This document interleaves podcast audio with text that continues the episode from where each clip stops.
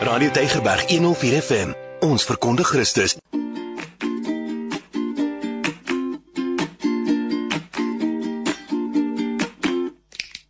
Ek en my kind op Radio Tygerberg 104 FM.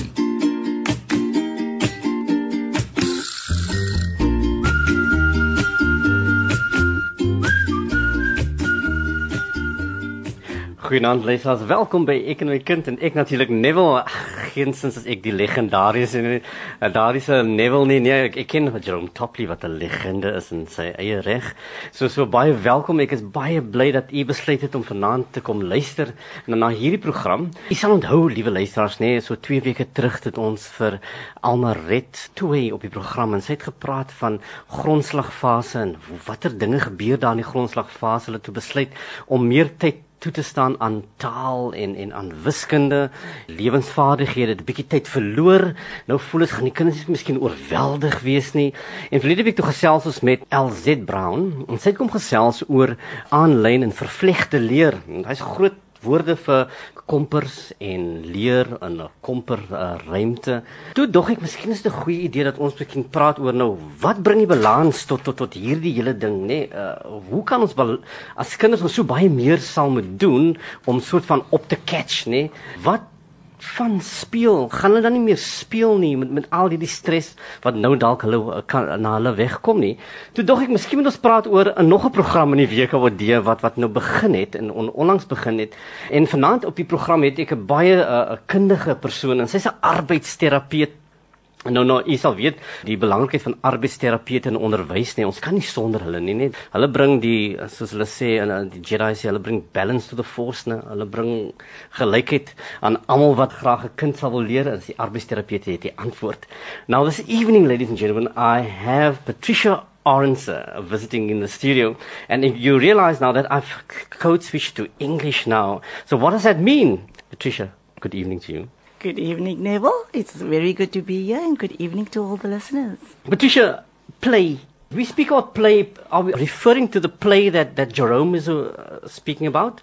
It the play that, that I knew when I fell out of a tree and broke my arm? What's the whole thing about play? Well, Neville, play is how children learn. So when mm. I speak about play, I'm talking about an activity that a child does that they just simply enjoy. So it is about how we played before.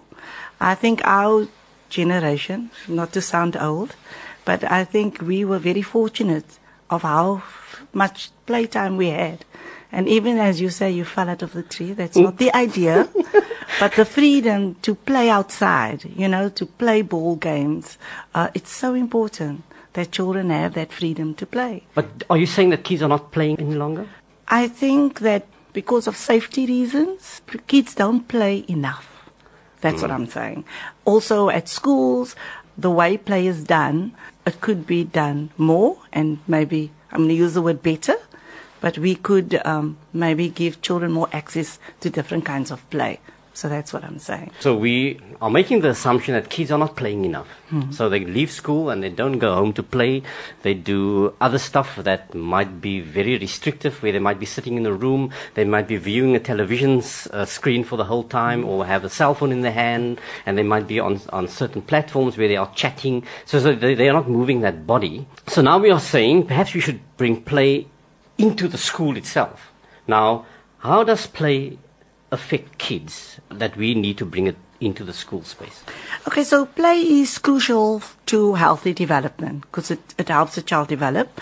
Uh, when a child plays, they are interacting with the environment. So they are learning about the environment while they're engaging, whether they're playing on the grass, they are feeling the grass under their feet. Mm. So um, they are engaging with the, with the environment. The, they feel the sand, they feel the sun on their face, or even just playing with the ball. You know, it, it could be a different object. So they are learning about what is going on around in the immediate environment, which is very important. And also they then uh, practice many skills and they discover concepts through play. So you will find that because you are communicating so much, because they're mm. talking, social skills and communication improves. So they learn, um, if you are playing a game with rules, they're learning social skills. Yeah. I must wait my turn.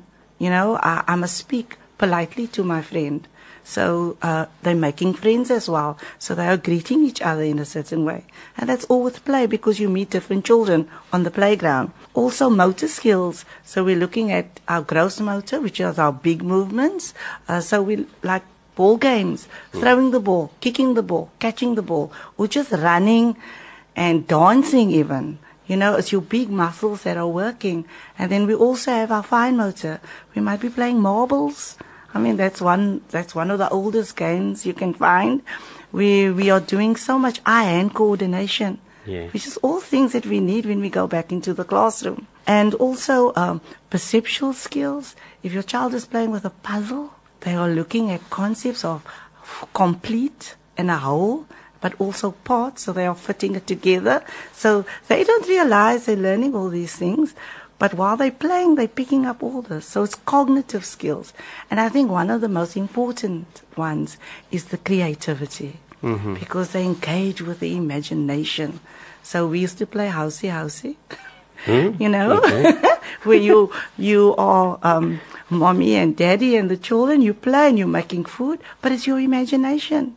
You can actually be anybody you want to be when you're playing. So play is really, really important for children. Liewe lesers, ons gesels met Patricia Arendse van die WKOD en sy is 'n arbeidsterapeut met die Weskaap Onderwysdepartement en sy is ook verantwoordelik vir terapeutiese dienste in die departement. En ons praat oor speel en die belangrikheid daarvan. Sy sê nou 'n klompie dinge hier aan my dat toe, toe jy as jy speel dan voel jy die gras onder jou voete en jy voel die son op jou gesig.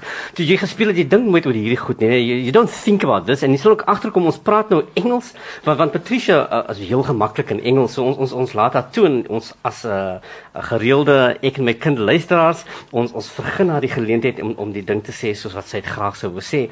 So Patricia Another thing that I've, I've become aware of, the whole concept of about play-based learning, and I think you kind of refer to that when you mentioned uh, that social skills are being developed and perceptual skills are developed, developed cognitive, and then of course the last important one you said, creative skills.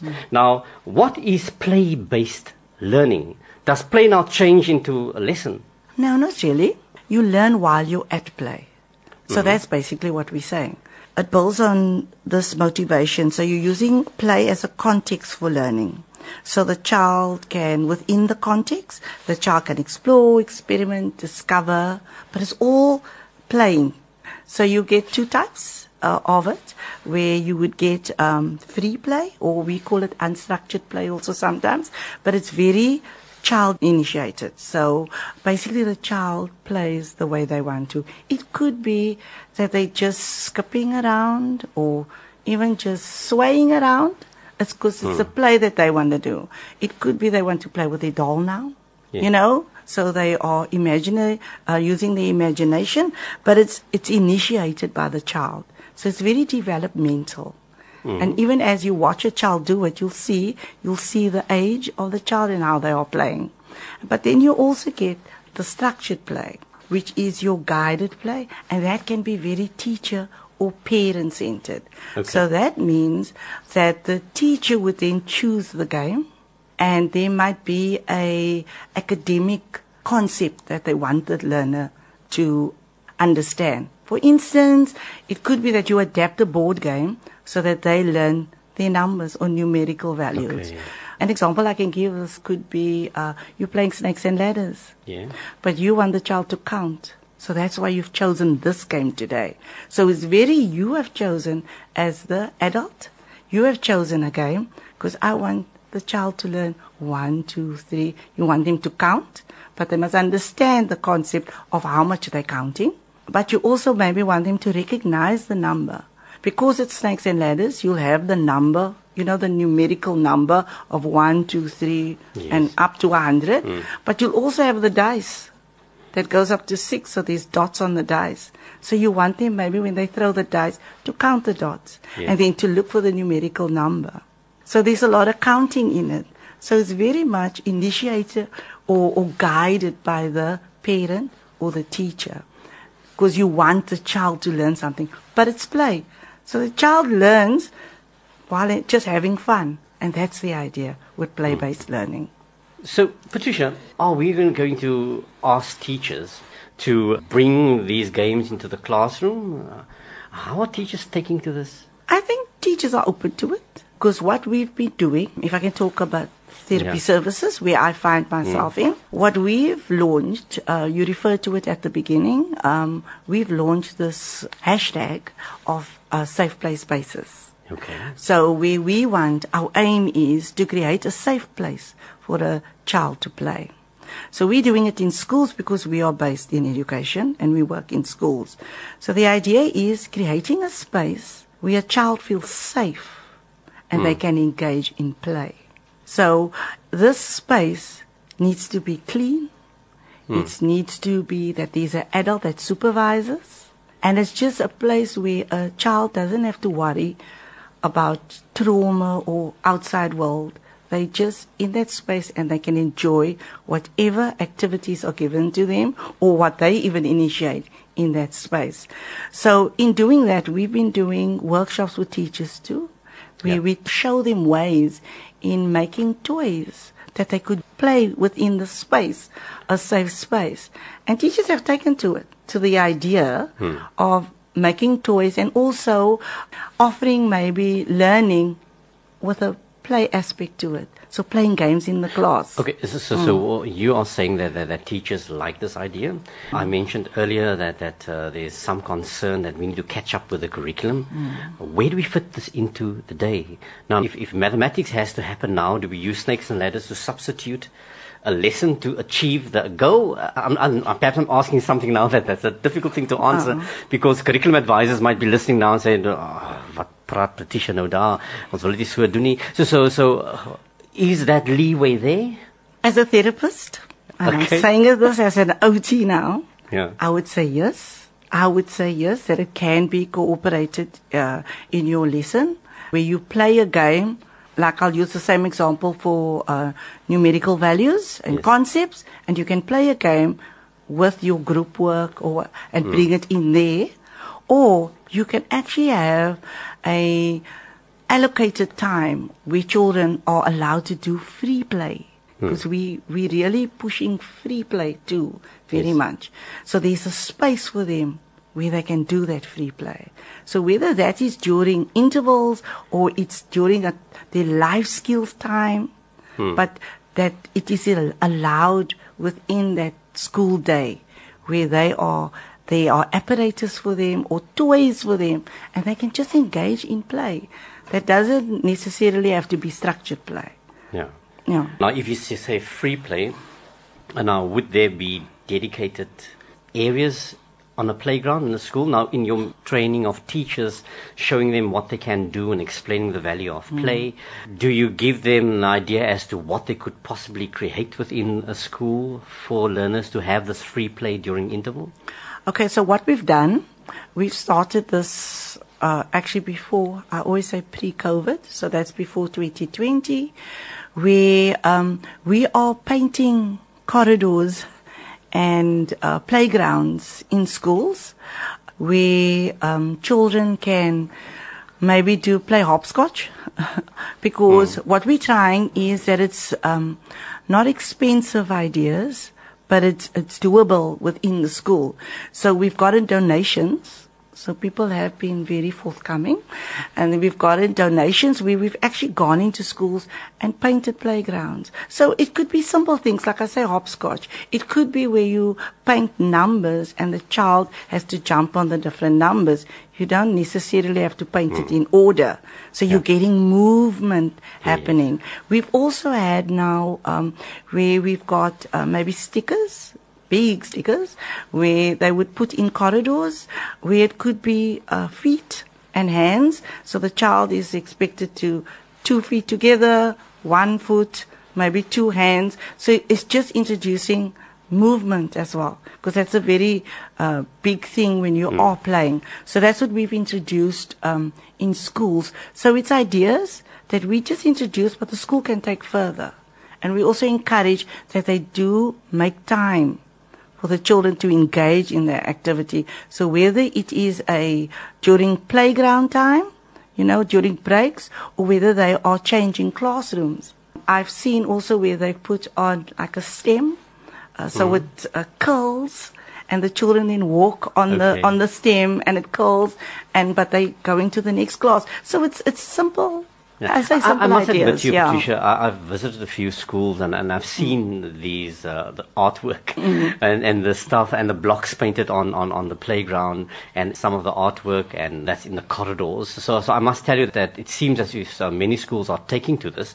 Ek lees ook nou 'n boodskap wat wat ek nou hier gekry het waar iemand sê dis 'n goeie onderwerp waar jy wat jy vanaand het want baie kere gee ouers nie kinders kans om kind te wees nie want hulle verwag van die kind om op te tree soos 'n volwassene. And I think what was this whole project does, it, it brings play back to childhood because well, often kids are, are busy with, with a lot of adult stuff, stuff that children sh- shouldn't be bothered with, especially in this world of trauma where we uh, are confronted with trauma and, and kids have such hard lives and they come from hard places. So often play just takes them back to, to where they belong.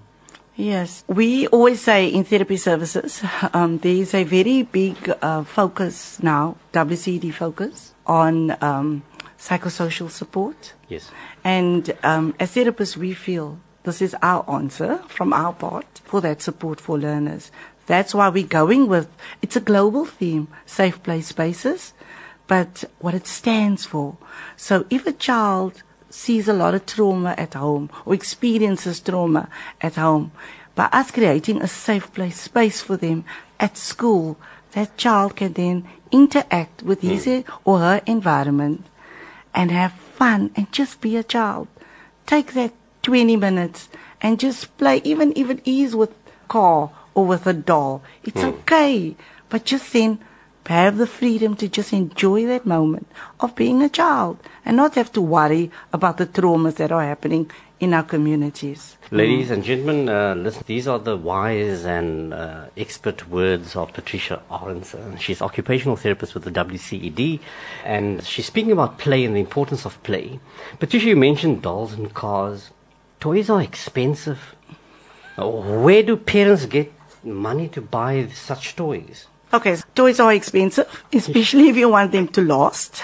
so what we are trying, Okay. we are having parent workshops and, and teacher workshops, but uh, where we give them ideas to make toys from waste. So it's it's simple ideas. It could be a a bat and a ball, but we'll use waste material in order to do it. So you have to attend a parent workshop in order to find, and then they'll show you how to what kind of games you can also play with your child when you make the toys. The parent programs are working very well in our one district, um, in our Metro East district, where we're doing those parent uh, workshops. Then we also have um, the Geppetto program. Like says Or, Pinocchio. or yes, uh, it's the Geppetto project. Yes. Um, I like talking about this one. Uh, this one is our, in our Overberg Education District, where they are making pamphlets. We also toys from waste. So I think I've given the same example the last time was when you can make a top. Yes. You know uh, uh, that you can spin. Yeah, That's it. Okay. Where you can use a plastic top from a or a cap from a bottle. Yes. And you use a toothpick Okay. and you you put it Yeah. together and you have a top.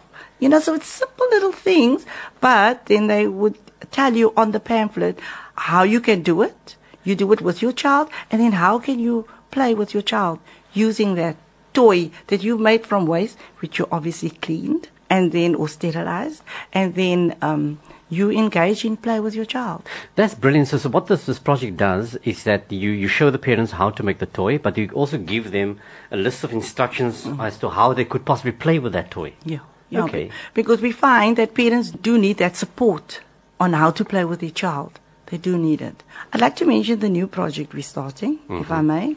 We have care and support coordinators at our district They? So they are usually the people that we say are the AIDS people, the HIV people, but they are actually care and support coordinators and they have assistants. So depending on your district, you could have between 10 or 20 assistants that is given to a district and they are then placed in, in schools. So this concept or idea was initiated in our Metro North Education District where the care and support coordinator and the district therapists came up with the idea of having play ambassadors and taking it into the the schools where our care and support assistants are placed. Yeah. So training them in what is play, why do we want play, what does uh, play do, how do children develop when they play. So they, we train the care and support assistants and then they are given a play kit. The play kit is a variety of toys and apparatus. So it could be board games, it could be dominoes, there's frisbees in there, balls. Mm-hmm. Anything that you could use. So it's a kit that they get. And when those care and support assistants goes into the schools, they take that kit with. And then they are play ambassadors. They got badges and t-shirts with our play logo on it. They go into the school and it could be a high school or a primary school because we've heard that the board games actually work in high schools. Mm-hmm. And then they would then initiate play and they create a safe play space. So the idea for a time is allocated, whether it is in the after school space, because that is also a time where you can have a safe play space where those learners are waiting for parents to collect them. So then have a space and the toys are there. What we also say that if you create a safe play space and you have toys, please don't have broken toys. You can make toys from waste that are not broken. okay. And don't also have toys that are not complete. Like sometimes we have puzzles, but there are a few pieces missing. We ask, please don't do That that, to the work, learners Yeah. because it can be very frustrating. So we do that. Patricia, now in terms of the roles of parents, now, now many parents are listening now, and, and they are wondering now, uh, where do we fit into this whole thing now? People are saying we're not playing with our kids, and, and we just want to see them do well at school. But now the school is saying we must play with these kids. Now, now what can parents do? Okay, the first thing I'm going to say is that as a parent, you are your child's favorite playmate. Because mm-hmm. when you play with your child, he or she has all your attention. So they want to play with you, whether that child is six months old or six years old or even 16. They want to engage in a play activity with you. What you need to do is obviously make it age appropriate. So, but you, the child wants to play with you. So, um, if I may, can I give a few tips Yes, on what parents course. could do? Please do that. So, I think the most important tip is that you must relax and enjoy it. Because I think sometimes as parents, we feel that we are being silly, but that's the idea when you play. So if you're being silly, you're actually in the right attitude, because that you will then get a better reaction from your child. Hmm. So they want to engage. And the play activity can either be free play, or it can be where the child chooses the, the game, or you choose it together, or you as parent choose it. So that you can work out with your child, as hmm. long as you are interacting during that time. So the other thing is also that make sure that the toys that you are using is age appropriate. So, for instance, you cannot have small little blocks for a three-year-old No. or, or small pieces of puzzles for a three-year-old mm-hmm. because they might swallow it. So you, you cannot do that. And also for the grip, it's too small. They need big blocks, big pieces of puzzles.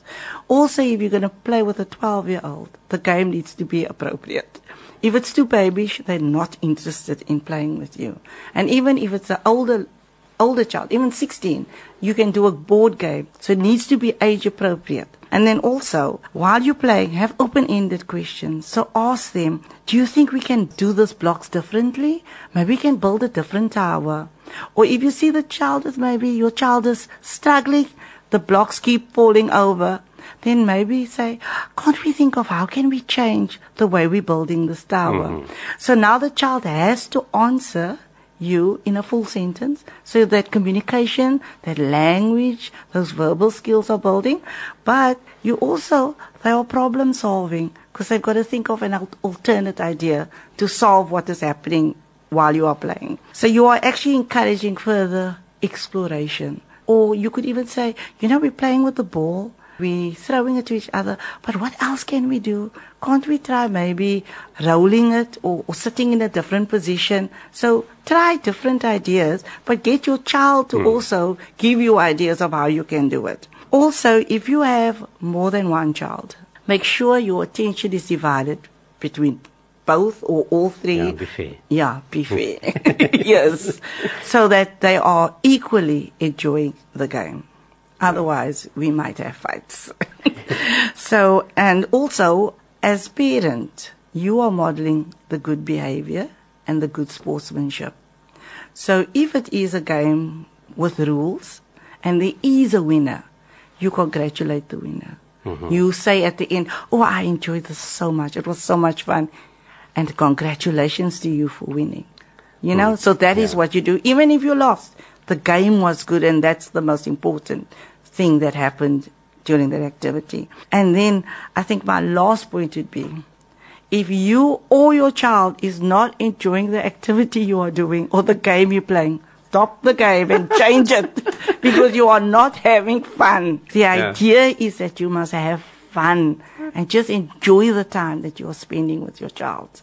And then you have achieved so much during that time. Patricia Arends, uh, this uh, program this evening was such fun to have. And I, I thank you so much for being here this evening. A message from Mersha Wagenstroom. En Mersha, ek het die boodskap gelees en, en, en ek hoor Mersha wil graag hê daar's 'n noodkreet dat ons physical education dat ons PT terug moet bring skool toe nê. Nee? Mersha, yes PT is 'n bietjie vervleg in lewensoriëntering, so daar gebeur klompie uh, movement en en bewegingsaktiwiteite wat in uh, lewensoriëntering in vervleg word. I think what we are trying to do with with the play program is to bolster that and to build it out further, but also to structure it in such a way that develops kids in, in terms of cognitive ability, soos wat Mersha in, in haar uh, boodskap gesê het. Baie dankie dat dat julle ook uh, insette het op op hierdie manier net op die SMS lyn net om te sê dis wat julle dink en dat julle saam met Patricia stem. So Patricia thank you so much for being here this evening and and just to uh, highlight the importance of play and what the WCD is doing. Often we are not aware of these things as happening in the WCD. We just think that that, that kids must go to school and they must learn, but we also now become aware that they are learning in such a way that it's such fun. And that the fun is so meaningful. So thank you so much for being here this evening. Thank you, Neville, for inviting me. I spoke about my favorite topic, which is play. so it was very good. It was really good to explain also what we are doing so that people are and parents are aware of what we are trying to bring into our schools. And we're getting it right, slowly, but we're getting it right. So thank you. Liewe luisters op daardie uh, pragtige Engelse noot wil ek ons sê vir baie dankie dat u saamgekyk het vanaand en 'n lekker aan verder vir u.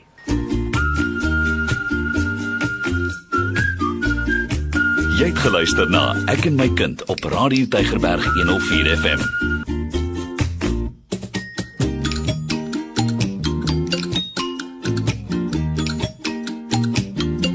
Potgoe op Radio Tygerberg 104 FM.